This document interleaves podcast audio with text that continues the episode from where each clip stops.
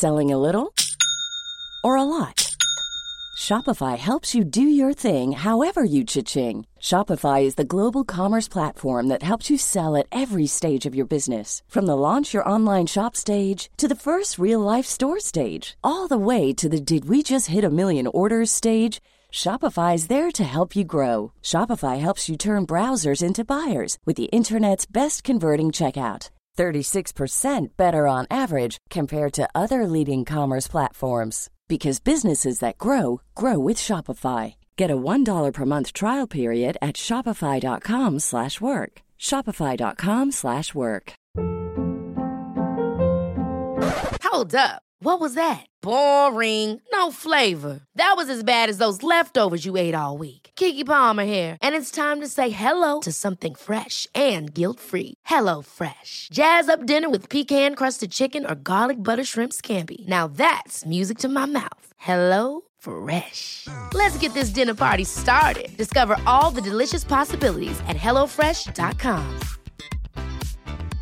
There's never been a faster or easier way to start your weight loss journey than with PlushCare. PlushCare accepts most insurance plans and gives you online access to board-certified physicians who can prescribe FDA-approved weight loss medications like Wigovi and Zepbound for those who qualify. Take charge of your health and speak with a board-certified physician about a weight loss plan that's right for you. Get started today at plushcare.com slash weight loss. That's plushcare.com slash weight loss. plushcare.com slash weight loss.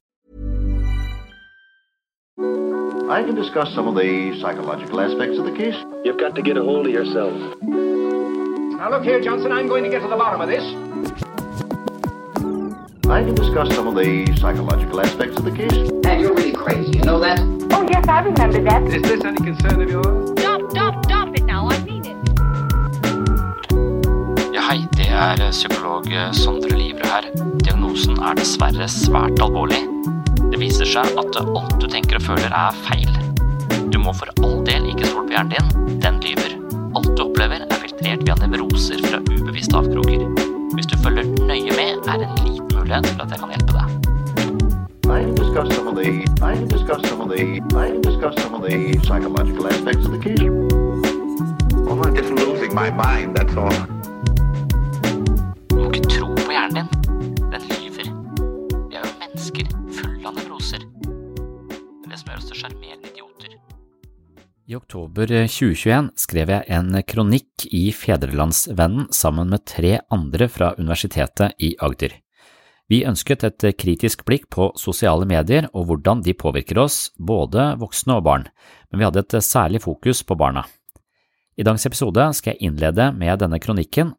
Hvordan skal vi forstå det? Hvordan skal vi unngå de verste fellene? Hvordan skal man klare å regulere egen og barns bruk av medier som i verste fall skader både evnen til å tenke, konsentrere seg og ikke minst selvfølelsen vår på dramatiske måter? Så her kommer et skikkelig varsko knytta til de fengslende eh, egenskapene ved algoritmene til de store tech-gigantene som virkelig stjeler og fanger oppmerksomheten vår og selger det til en tredjepart uten at vi får ei krone for den transaksjonen som foregår der. Vi er kun disse nikkedukkene som skal følge med på skjermen og fengsles av ulike mer eller mindre uinteressante videoer som Facebook har regna ut at vi kommer til å feste oss ved. Så velkommen til en ny episode av Sinnsyn for Patron-supportere, og jeg begynner også med denne kronikken som sto på trykk i Fedrelandsvennen i oktober 2021, og siden så skal du få være med på denne paneldebatten som også foregikk i Fedrelandsvennens lokaler her i Kristiansand.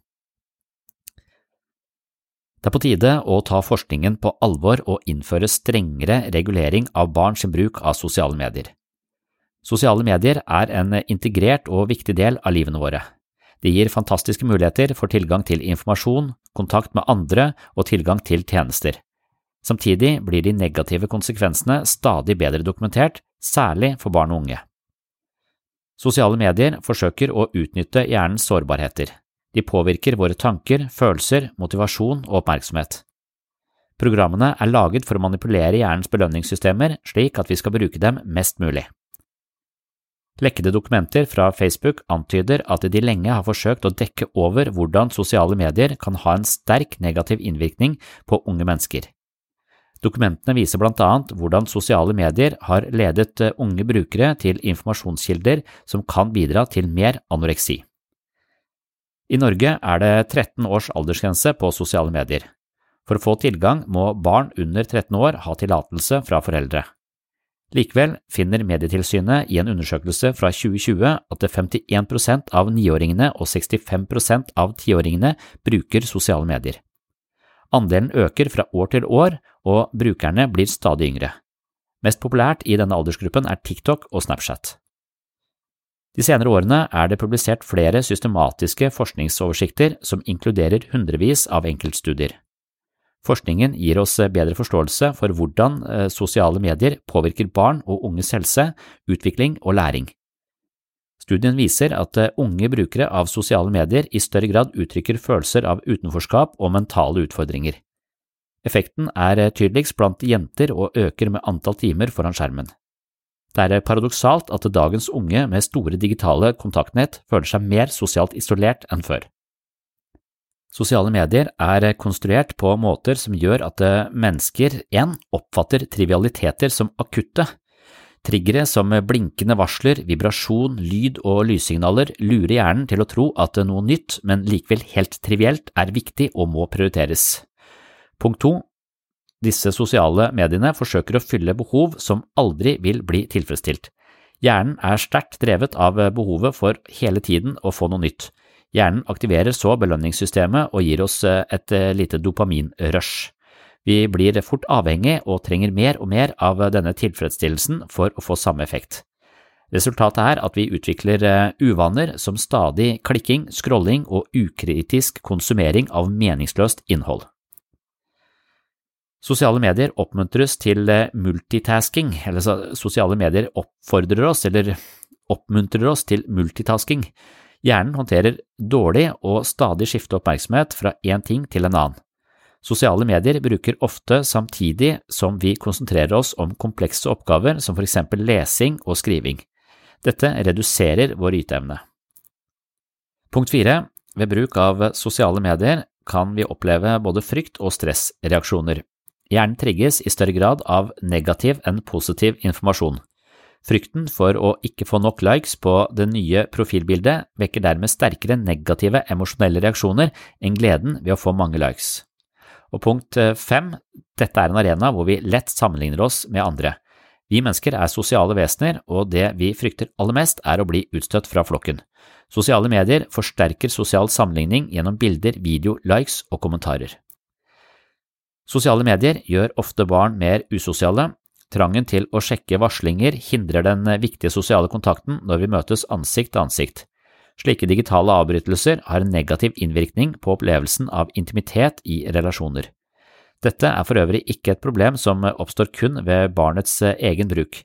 Det er en økende uro knyttet til små barns manglende øyekontakt og oppmerksomhet på grunn av foreldrenes fokus på sin egen smarttelefon. Mange studier viser også at stadige distraksjoner gjennom sosiale medier kan føre til dårligere hukommelse, økt impulsivitet, utsettelsesatferd og svakere konsentrasjon om skolerelaterte oppgaver. De aller fleste studier viser negative effekter på skoleprestasjoner og for eldre barn dårligere karakterer. Skolene merker de negative konsekvensene av barn på sosiale medier. Skoler rapporterer om utenforskap, eh, stygge meldinger, personvernutfordringer og deling av grove videoer og bilder. Høsten 2020 fikk for eksempel mange tusen norske barn og unge servert en live selvmordsvideo på TikTok. Mange skoler oppfordrer foreldre til å følge aldersgrensen, altså 13 år, for sosiale medier. Myndighetene har strenge reguleringer av andre avhengighetsskapende stoffer og aktiviteter som for eksempel pengespill, alkohol og tobakk. Hva går barna våre glipp av ved å vente? Og ikke minst, hvilken risiko tar vi ved å tillate sosiale medier for de minste? Vi kan ikke vente på teknologileverandørene, deres enorme inntjening med dagens systemer gjør at de ikke kommer til å ta dette ansvaret. Og det var også det vi fikk plass til på 5000 tegn eh, i Fedrelandsvennens kronikkspalter, Og denne kronikken ble da skrevet av Johan Christian Andreassen, som er eh, førstelektor i pedagogikk ved Universitetet i Agder. Jeg var med eh, som forfatter. Eva Marie Andresen hun er doktorgradsstipendiat i sykepleievitenskap, også fra Universitetet i Agder, og Øystein Sæbø han er professor i informasjons- og kommunikasjonsteknologi ved Universitetet i Agder. Oh, I'm just losing my mind, that's all.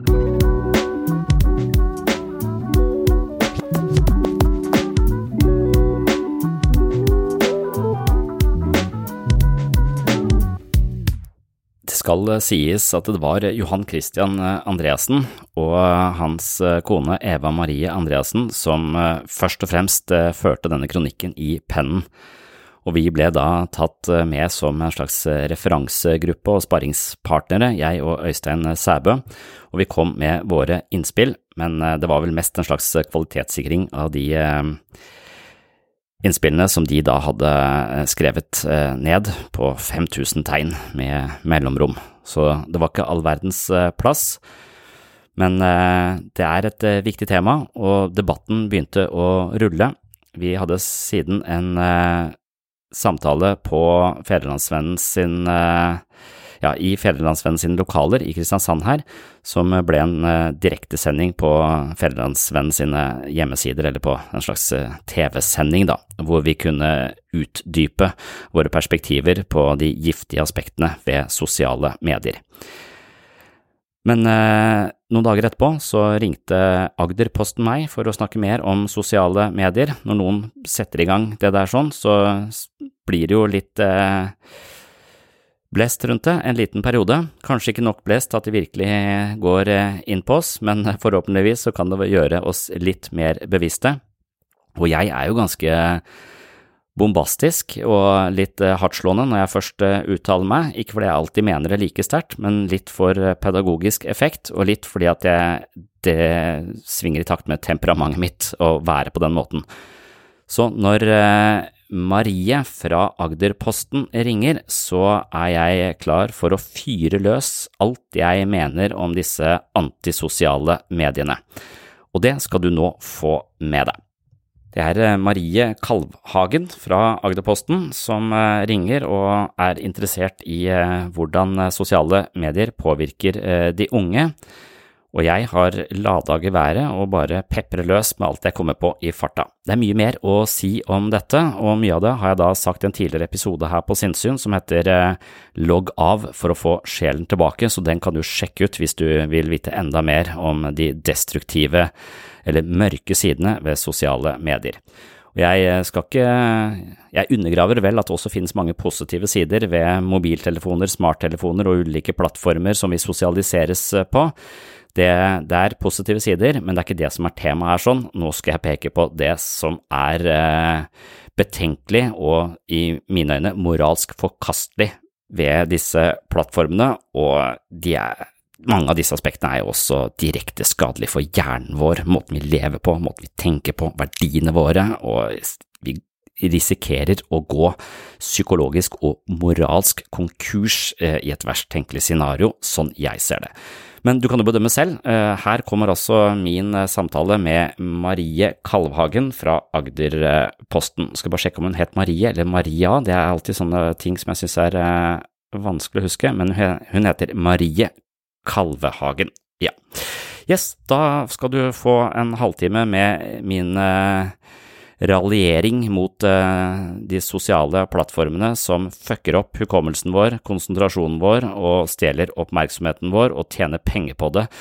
Uh, en masse, mens vi står igjen med kognitive svikt og mindre tid til barna våre og vennene våre osv. osv.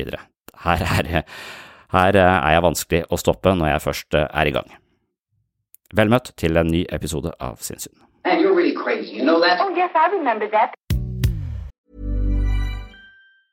A lot can happen in the next three years. Like a chatbot may be your new best friend. But what won't change? Needing health insurance. United Healthcare Tri Term Medical Plans are available for these changing times Underwritten by Golden Rule Insurance Company, they offer budget-friendly, flexible coverage for people who are in between jobs or missed open enrollment. The plans last nearly three years in some states, with access to a nationwide network of doctors and hospitals. So for whatever tomorrow brings, United Healthcare Tri-Term Medical Plans may be for you. Learn more at uh1.com.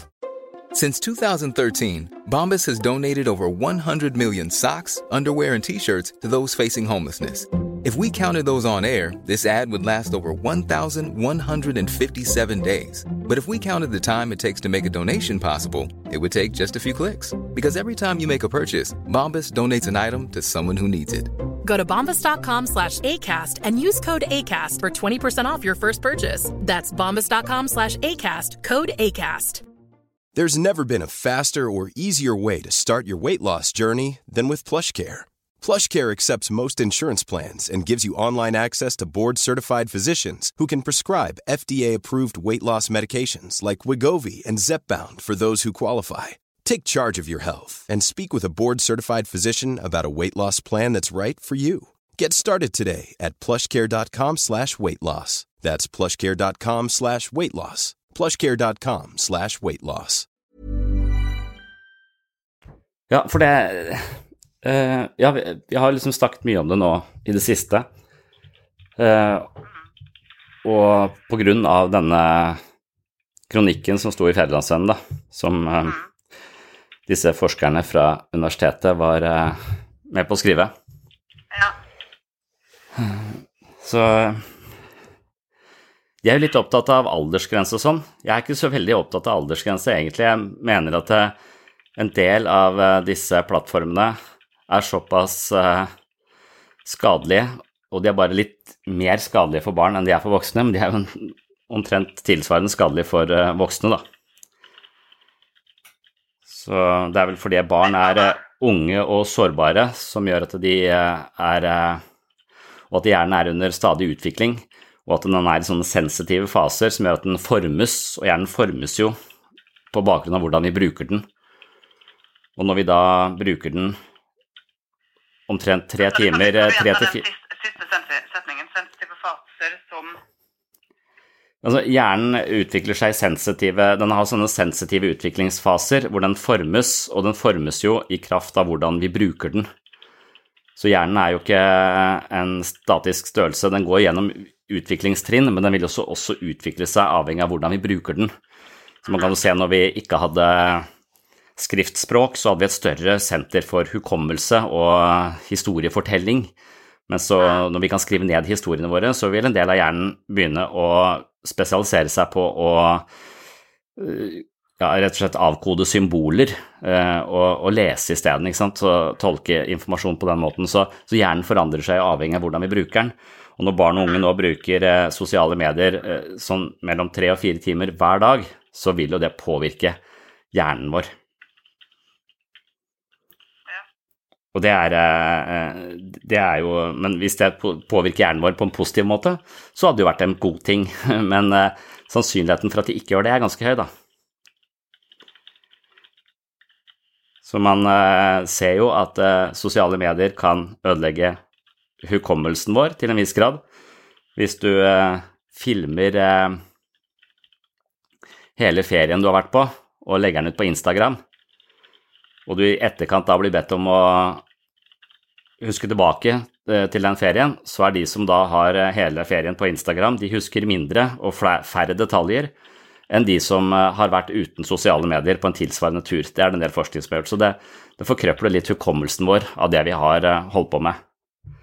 Oppmerksomhetsspennet vårt blir også litt eh, kortere, virker det som. Tidligere så var jo en sånn eh, video på TikTok skulle vare i eller Instagram skulle vare i 14 sekunder, var liksom optimalt. Det var det vi kunne klare å holde folks oppmerksomhet på. Nå har det gått ned til 8 sekunder, ikke sant. Så, så det er som om vi, vi eh, får eh, mindre og mindre spenn i eh, oppmerksomheten vår. Noe som gjør oss litt til sånne hodeløse høns som bare løper rundt i disse sosiale kanalene på jakt etter uh, ny informasjon og på jakt etter uh, bekreftelse på at vi er verdifulle som mennesker. Og hver gang vi får den bekreftelsen, så får vi et lite dopaminrush uh, sånn at eh, vi føler oss bra der og da.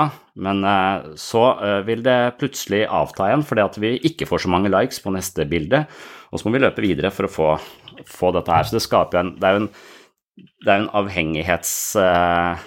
avhengighetsmaskin, dette her, som stimulerer belønningssystemene til mennesker på samme måte som andre avhengigheter stimulerer belønningssystemene våre. Og det, de, de, som lager uh, disse algoritmene i sosiale medier, de kjenner jo selvfølgelig til atferdspsykologi, og du vet hvis du lærer opp et barn til å si 'vær så snill, kan jeg få en is', så vil det si 'vær så snill' ganske mye. Og hvis du da får en is hver gang, så vil det fortsette å si 'vær så snill'. Men hvis du plutselig begynner å gi barnet is bare sånn innimellom, uh, når de sier 'vær så snill', så kunne man kanskje forvente at de begynte å si 'vær så snill' litt mindre. Men det er jo faktum at de sier 'vær så snill' enda mye mer. Så denne randomiseringa i tilbakemeldinger, og det kalte vel disse Facebook-utviklerne for en sånn eh, social validation eh, feedback loop, Sånn at de, de har algoritmer som, eh, som, hele tiden driver og forandrer seg litt, så av og til så gir de deg mange likes, og av og til så gir de deg litt færre likes. Det er jo selvfølgelig andre mennesker som gir disse likesene, men hvorvidt eh, statusoppdateringen din blir synlig eller ikke, det er litt eh, tilfeldig. Sånn at det, dette, til, dette, innslaget av tilfeldighet det gjør oss enda mer avhengige, og vi blir fanga av dette, denne jakten på, på tilbakemeldinger i de sosiale mediene. Og selvfølelsen vår er jo så forbanna skjør. Det er jo som en heliumballong uten hull. Eller nei, en heliumballong med hull, så at vi hele tiden trenger eh, helium i ballongen vår for å føle oss eh, verdifulle. Og vi har da ofte eh, assosiert vår egen verdi som menneske med suksess og likes og status, og det er et overfladisk og utmattende prosjekt. Kan du gjenta det siste? Jeg, mener vel at vi, eh, vi, assosierer vår egen verdi som menneske med ganske overfladiske verdier pga. Eh, disse sosiale mediene. Så det er likes, og det er utseende, og det er eh, status og ferier og alle sånne ytre symboler på suksess da, som skal bekrefte vår verdi som menneske. Og det er altså alle andre litt dypere verdier som empati og moral og det å være morsom og varm og osv det eh, premieres ikke på samme måte. Og I verste fall da så blir vi jo eh, særdeles eh, overfladiske, og så blir vi eh, selvsentrerte, for de er så sykt opptatt av å få disse tilbakemeldingene for det vi må ha luft i ballongen vår. Og hver gang vi får anerkjennelse, så føler vi oss litt bedre, og det er den anerkjennelsen vi får fra andre som gjør at vi selv kan lære å elske oss selv med en viss grad av overbevisning, da. Så, så, hvordan andre betrakter oss, det er helt avgjørende for vår egen selvfølelse, og ikke minst hvordan vi ser på oss selv. Og når dette her er et spill som foregår fire timer om dagen i et digitalt selv, hvor, du, eh, hvor det er noen andre tredjepartsaktører som bestemmer hvor mye likes og ikke-likes uh, du får, så skaper det en type avhengighet. Det er som å spille på enarma banditter med din egen selvfølelse som innsats. Stå på danskebåten i tre timer og så bare eh, putte på. På danskebåten så blir du økonomisk ruinert. Men, men eh, på, på, sosiale medier så blir du psykologisk ruinert. Og det er krise. Men eh, da vil jeg spørre litt eh, spesifikt. Altså, her i, jeg har akkurat skrevet en, et par saker om at stadig flere unge jenter legges inn på um, ungdomsklinikken her i Arendal eh, pga. spiseforstyrrelser. Og at uh, de har sett dette i mye større grad nå under korona. Um, og uh, altså, jeg antar at du sikkert har en teori om uh, hva som det skyldes? Ja, akkurat det her med spiseforstyrrelser er sånn jeg hørte han Finn Skårderud, som, som, er eksperten på det i Norge, han sa at det ikke nødvendigvis har økt. Men antall Her har de måttet flytte ungdomsklinikken for å få plass til flere sengeklasser. Ja. Mm. ungdommen har eh, i lengre tid her i Arendal måtte, måtte legges inn blant de voksne fordi det ikke er plass til dem på ungdomsklinikken. Mm. Så hver gang en, post eh, blir, eller en plass blir ledig, så, så fylles den opp igjen. Mm. Så her, her, har de sett at det har økt, da. Og ja. det er jo for så vidt egentlig hele Agder, for eh, det er jo ungdomsklinikken rommer jo for også Vestre. Mm. Ja, og så hvis, du skal, hvis du skal ha en sånn eh, årsaksforklaring på, på spiseforstyrrelser, så mener jeg nesten at alle mulige plager har en million årsaker, og så kjenner vi til fire av de. Og det å komme dypere inn i sin egen, eh, sine egne plager, det handler om å forstå bredden og avsløre flere faktorer som er med på å påvirke uh, den plagen. Da. Så jeg tenker at ethvert symptom er et signal om at noe er skakt, og så må vi dykke ned i det. Og hvis, se, hvis at uh, sosiale medier spiller en rolle knytta til dette med, med spiseforstyrrelser, så, så, så, vil jeg i første omgang så vil jeg tenke at Jeg husker han Jaron Lanier, som har vært en av disse fremste motstanderne av spesielt Facebook da, og en del av disse sosiale kanalene, at han, eh, eh, han, har, han har, sammenlignet eh, sosiale medier med en religion. fordi at religion har jo den egenskapen at den kan kontrollere og styre mange, mange tusen mennesker. Så det er et system som styrer måten mennesker tenker på og oppfører seg på. Og der er det en ganske klar parallell til uh, sosiale medier. At det er, en, uh, det er algoritmer og det er tech-giganter uh, som styrer disse algoritmene, og de påvirker Altså, vi går rundt med et lite fengsel i lomma. altså disse, Hver gang vi bruker sosiale medier, først så blir vi fanga av det. De, de selger jo vår oppmerksomhet, så de tjener penger på vår oppmerksomhet. Så vi har et fengsel i lomma hvor vi blir både analysert, observert og manipulert samtidig. Så, så, så, vi sitter jo fast i dette, dette lille fengselet, og, og all vår atferd blir eh, nøye analysert, så de veit hva som trigger oss, og dermed kan de fange oppmerksomheten vår. Og de driter i hva som fanger vår oppmerksomhet. De bare viser oss ting de vet vi kommer til å klikke på og se lenge på. Om det er noe som skader oss, eller noe som gjør oss bra, det driter dem i.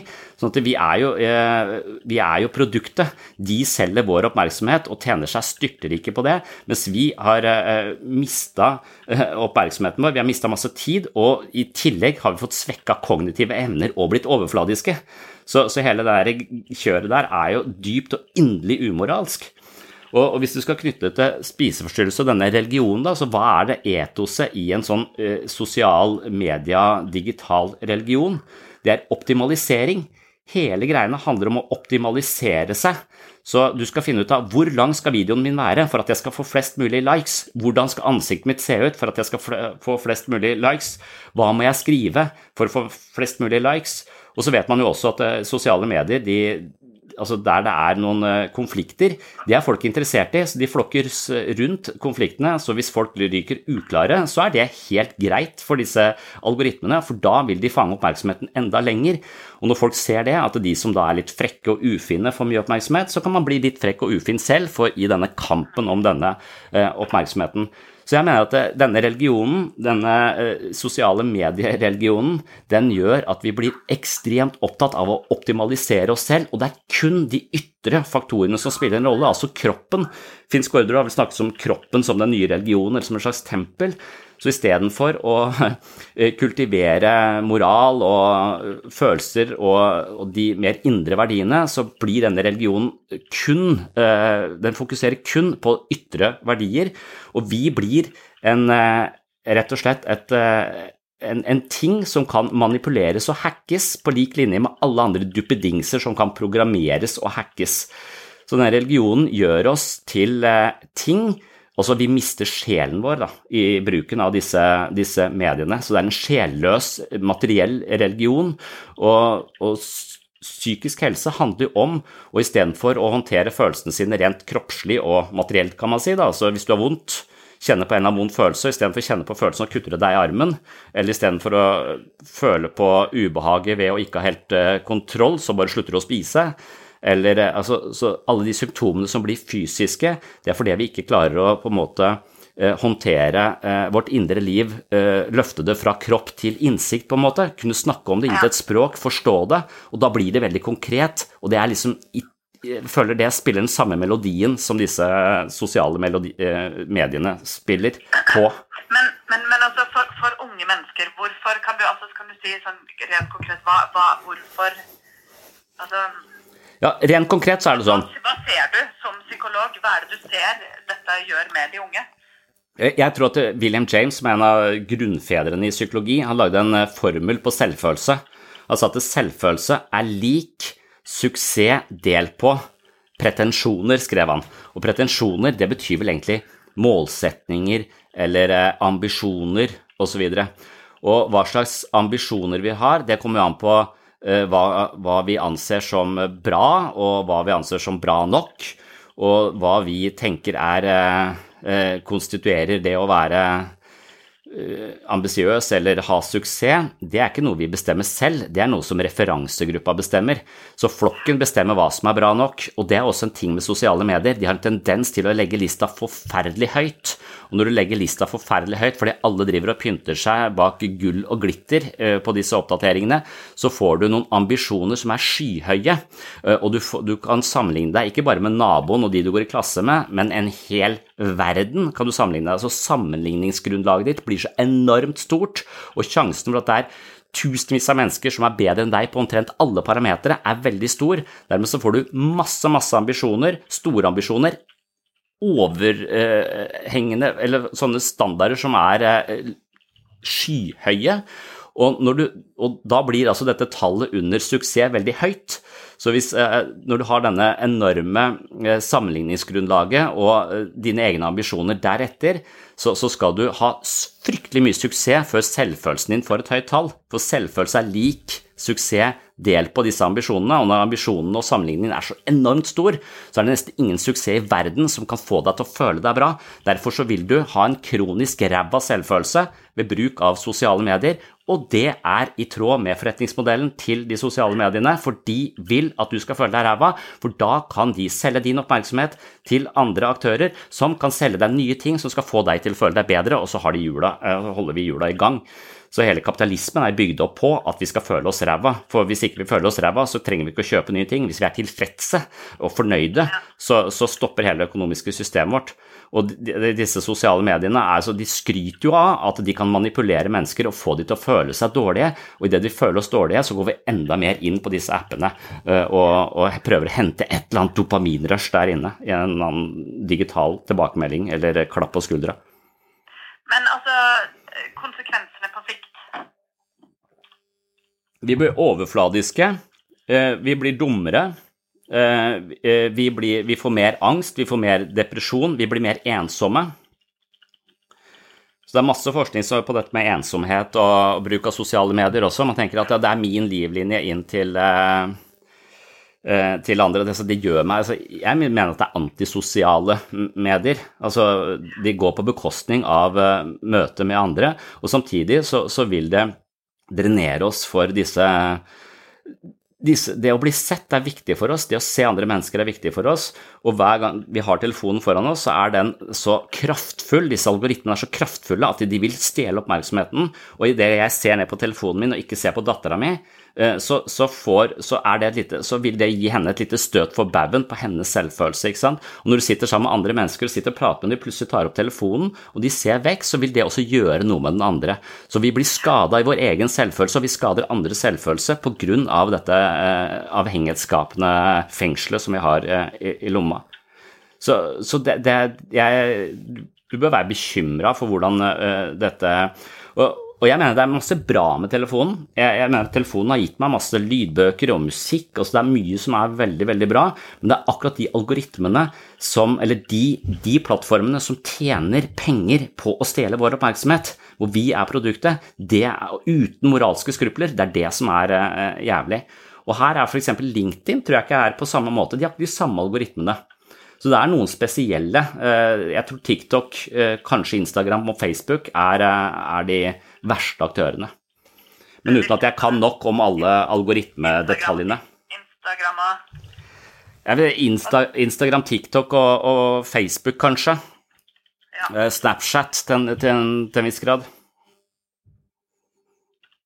Men akkurat det der må du spørre en IT-tekniker om. Hva kan, hva kan foreldre gjøre, da?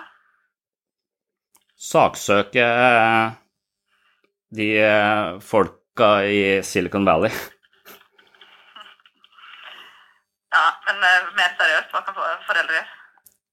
Jeg tror ikke vi kan uh, Jeg tror ikke det er så mye vi, vi, kan gjøre. Man kan liksom drive og jokke på aldersgrensa osv., men så lenge man ikke uh, ser konsekvensene av langvarig bruk av disse tingene. For, for problemet er at det, det, dette er omtrent det samme problemet som vi ser med global oppvarming.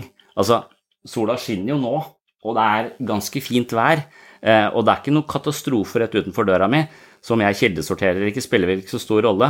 Det er sånn langsom eh, ting, ting som ikke har noen umiddelbar eh, konsekvens, men som på lengre sikt på en måte ja, jeg mener forderver sjelen din, da, på sett og vis. Det er litt samme alkoholisme. altså hvis du tar deg en drink på mandag, så er det ikke sånn ja, det er bare én drink. Så ja, det er egentlig bare én drink, så akkurat den drinken spiller ikke noen rolle, men det er mentaliteten din som på sikt altså akkumulerer alkoholisme. Det, det er ikke noe du, du driver Du får ikke alkoholisme over natta. Og det, det, det er noe som heter Flynn-effekten. Og den, den, har vist at vi mennesker har blitt smartere de siste 100 åra i hvert fall. Så hvis vi tar IQ-testen som de hadde på 1930-tallet, så scorer vi 130 poeng. Og det skal vi ikke gjøre, for gjennomsnittet skal være på 100. Mens nå ser de at, at det, plutselig, for første gang, så begynner vi å bli dummere. Eh, og det er et eller annet med måten vi lever på som nå gjør oss dummere, og det tror jeg er eh, jeg tror, Det kan ikke skyldes på sosiale medier, men polariseringen også. ikke sant? Det at, at det er meninger som er sterke, og mening, altså denne hvordan hele valget i, i, USA, alle disse tingene også polariserer oss og putter oss inn i virkelighetstunneler som vi hele tiden får bekrefta, så, så, vi får et smalere syn på, på tilværelsen og oss selv. Men altså, vi, er vi doom, da? Er det liksom ingenting å gjøre? Mener du?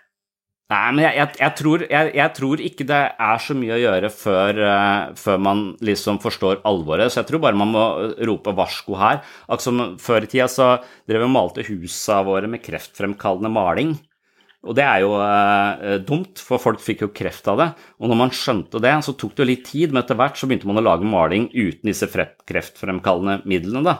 Og, så, ja. så, man slutta ikke å male husa sine, man bare gjorde noe med malinga. Uh, og sånn tror jeg vi er nødt til på en eller annen måte å, uh, å, å komme til her også. Vi ser at oi, dette har skadelige effekter, nå må noen ta ansvar. Faren er at de tech-gigantene tjener så mye penger på det at de ikke kommer til å ta det ansvaret. Og dermed så, uh, så må nok andre rope opp om, om, det, og da tror jeg du må ha ganske mye makt. Jeg tror må være Det må reguleres fra ganske høyt hold. Og da kanskje ikke forbys, men det, det må stilles krav til, eh, til, en eller annen moral og etikk i, bak disse algoritmene. Ja, men, men altså, vil det ikke hjelpe at foreldre prøver å begrense bruken av sosiale medier? Mener du? Jo, det, det, det, vil jo Når man vet hvor skadelig det er, så vil man sikkert prøve å, å begrense det. Det blir sikkert mange, mange, mange, mange lange kamper eh, ja. som, man, som, man, må ha, og det må man sikkert ta, da. For, det, for man er liksom Dette er kanskje en av farene i, i dagens samfunn, og så er de såpass subtile, så det er litt uh, vanskelig å se. Men, men jeg, jeg, tror kanskje at uh, filosofi kan hjelpe oss. altså Ha et slags filosofisk perspektiv på dette og dykke ned i det. For mange av disse argumentene syns jeg er litt sånn De er ikke sånn helt åpenbare. Er det så skadelig, da? Bare se når jeg snakker med dattera mi på tolv, ikke sant. Spiller ikke så Hvorfor er det så, så farlig? Så, sånn at det å prøve å sette seg inn i uh, faremomentene og, og, se litt hvor dypt det stikker, det er litt sånn filosofisk krevende. Men jeg tror hvis vi klarer å tenke litt dypt rundt sosiale medier sammen med barna våre, så kan det eh, kanskje fostre større innsikt. Og selve den prosessen av å tenke litt dypere rundt det kan kanskje i seg selv eh, bøte på den eh, effekten av at vi blir litt dummere når vi bare sitter og scroller, mens når vi tenker litt dypere over hva vi driver med, så kan det være en kilde til vekst og utvikling og innsikt. Ja. Så at vi må, vi må gå litt dypt i det. Har, har hun lov å ha sosiale medier? Uh, nei, uh, hun uh, Ja, nå, nå, begynner det brytningspunkt. Det er jo 13 som er aldersgrensen, ikke sant. Og mange begynner jo å bruke dette. Var det 65% som brukte sosiale medier når de er 12 år, eller og 50 når de er 10 år, et eller annet sånt nå. Jeg husker det var ganske dramatiske statistikk på det også, at de aldersgrensene holdes ikke. Så, eh, men, men jeg, hun har gått i en klasse hvor foreldrene har eh, liksom sagt at det, det, ikke er greit. Da. Og, og det er mange nok foreldre som har sagt at det ikke er greit, og derfor så klarte man å, å holde eh, den skansen ganske lenge. Jeg tror den er i ferd med å briste akkurat nå, men, men, det er fortsatt ikke Facebook er selvfølgelig ikke lov, og eh, TikTok er det noen som har, men er, de fleste har ikke lov til det heller. Men mange har nok eh, tilgang til å se, men ikke lov til å legge ut, ikke sant? så da begynner det. Så sniker det seg inn. Ja. Men, men hvis du har en sterk Men ikke Facebook, TikTok eller Instagram? Nei, nei dat dattera mi, tenker ja. du på? Nei, eh, nei har, nå tror jeg hun har en sånn uh, tilgang til TikTok uten å ha lov til å legge noe ut. Uh, hun har ikke Instagram. Og jeg lurer på om hun nå fikk lov til, akkurat fikk lov til å få Snapchat med familien. Men, men der, der, er du helt avhengig av Hadde vi gått i en annen klasse hvor dette var fri flyt, så hadde ikke vi klart å holde igjen heller, tror jeg. Altså. Så der var det gruppepresset i riktig retning. Hæ? Ja, så, stå, så budskapet er litt stå sammen som foreldre? Ja, det må man eh, hvis man skal klare det. Man må ha overvekt av eh, foreldre som sier eh, at det ikke er greit. Og så vil det alltid være noen uteliggere som sier at ja, jeg kan bestemme selv og min datter eller sønn. Og det må for så vidt være greit, men hvis du klarer å få hele gruppa til å bestemme det i fellesskap, så blir det mye enklere for den enkelte, da, og sjansen for at vi klarer å holde den skansen litt lenger, er jo større.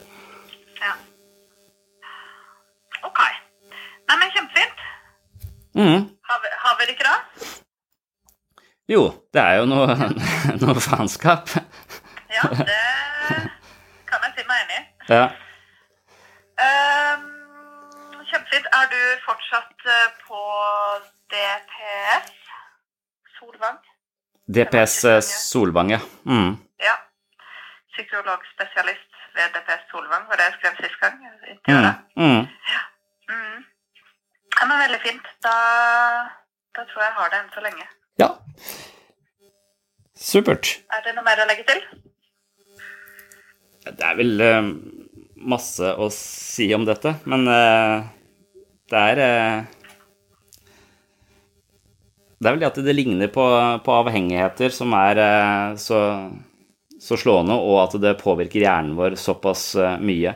Det, det, jeg også har vært interessert i selv, er at jeg sitter jo i inntak ved poliklinikken, og i stigende grad så kommer det søknader Altså vi har jo 20-30-40 søknader hver uke. I stigende grad så handler det om folk som ikke klarer å konsentrere seg mener de har ADHD. Og når man da vet at det sosiale medier, altså denne stimuleringa av vår egen oppmerksomhet, altså oppmerksomheten vår er jo noe Altså, mindfulness er en slags motvekt til bruken av sosiale medier, eller det, det er en slags motkultur, tror jeg. For eh, mindfulness handler om å eie sin egen oppmerksomhet. Det handler om å ha kontroll på sin egen oppmerksomhet, så man sitter og puster og, og prøver å fokusere på pusten, og hver gang tankene vandrer i en eller annen retning, så skal du ta, ta de tilbake til fokus på pust, og hver gang du gjør det, så styrker du din egen oppmerksomhet. Du eier din oppmerksomhet hvor du skal ha den sosiale mediene de prøver det motsatte, å fange din oppmerksomhet og putte den der de vil at den skal være, og der den blir beholdt i lengst mulig tid. Så da blir du på en måte noen andre styrer din oppmerksomhet. Så det å ta tilbake eierskapet over sin egen oppmerksomhet, det er det mindfulness-prosjektet er. Men veldig mange driver jo ikke og mediterer eller trener mentale muskler på den måten, så derfor så er de ofte da bruker telefonen sin ukritisk så, så, så vil eh, oppmerksomheten deres, egen kontroll over egen oppmerksomhet, langsomt svekkes. Eh, og, og, dermed så vil man få symptomer som ifølge ICD-10, som er diagnosemanualen, ligner symptomer på, eh, på ADHD. Og, og, da vil de da Så, så jeg stadig stigende grad av mennesker som sliter med konsentrasjon og mener de har ADHD. Jeg har alltid tenkt meg selv som en som har god konsentrasjon, men mener nesten at pådratt meg ADHD i voksen alder. Men det går ikke, for det er ikke mulig. Det er en, det er en tilstand du skal være født med. sånn at eh, det er, så, så, jeg ser det som en slags moralsk imperativ for meg selv da, å avvise eh, utredning og medisinering for ADHD ved offentlig psykiatrisk poliklinikk. Hvis vi skulle sagt ja til alle som ønsker det, så hadde vi hatt en hel generasjon på eh, Ritalin og sentralstimulerende midler. Ja. Uh, og det, det, er en pandemi uh, på, på lignende med andre pandemier som vi bekjemper. Så det er også uh, helt krise, tror jeg. At det, folk merker at dette fucker opp oppmerksomheten min. Hvis du i dag er en person som har sittet og lest i en bok mer enn en time uten å bli distrahert, så er du tilhører en minoritet, altså.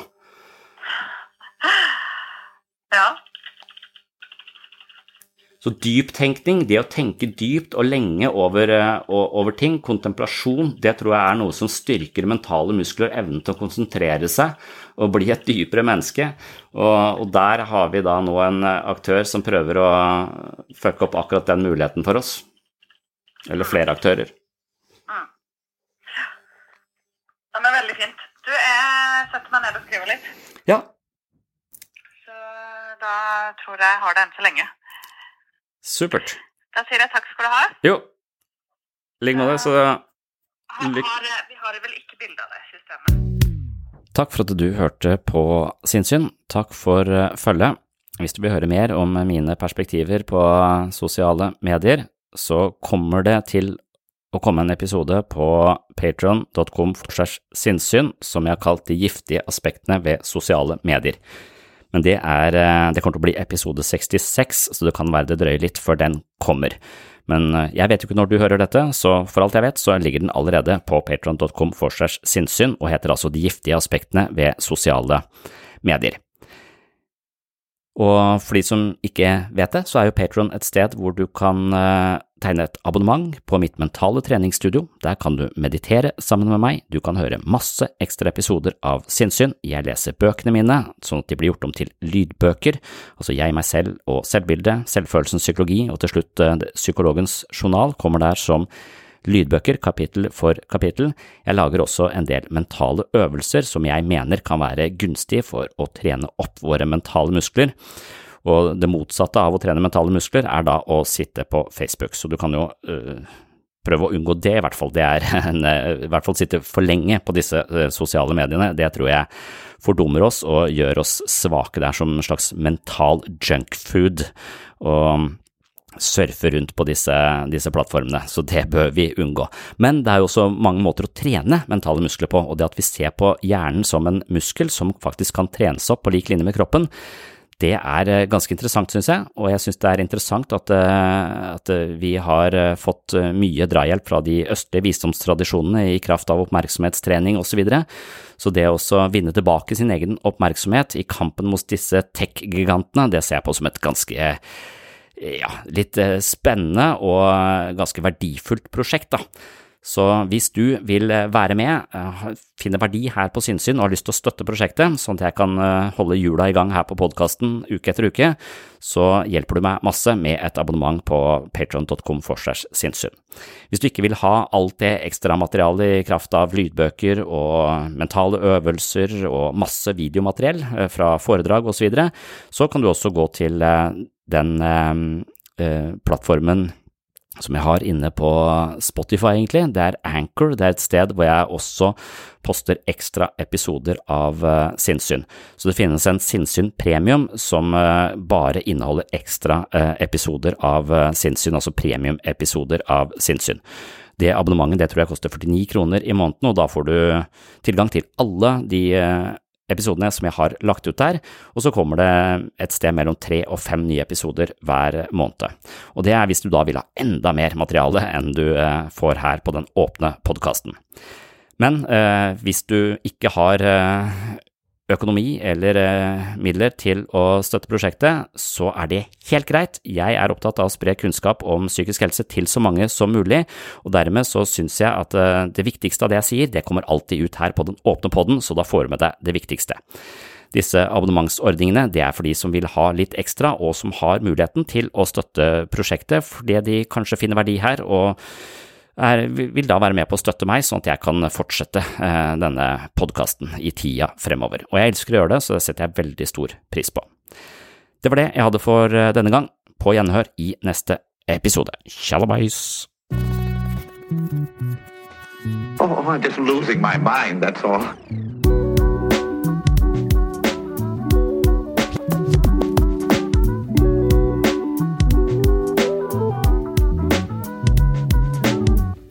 Discuss some of the I can discuss some of the I can discuss some of the psychological aspects of the case. Psycho, psycho, psychological aspects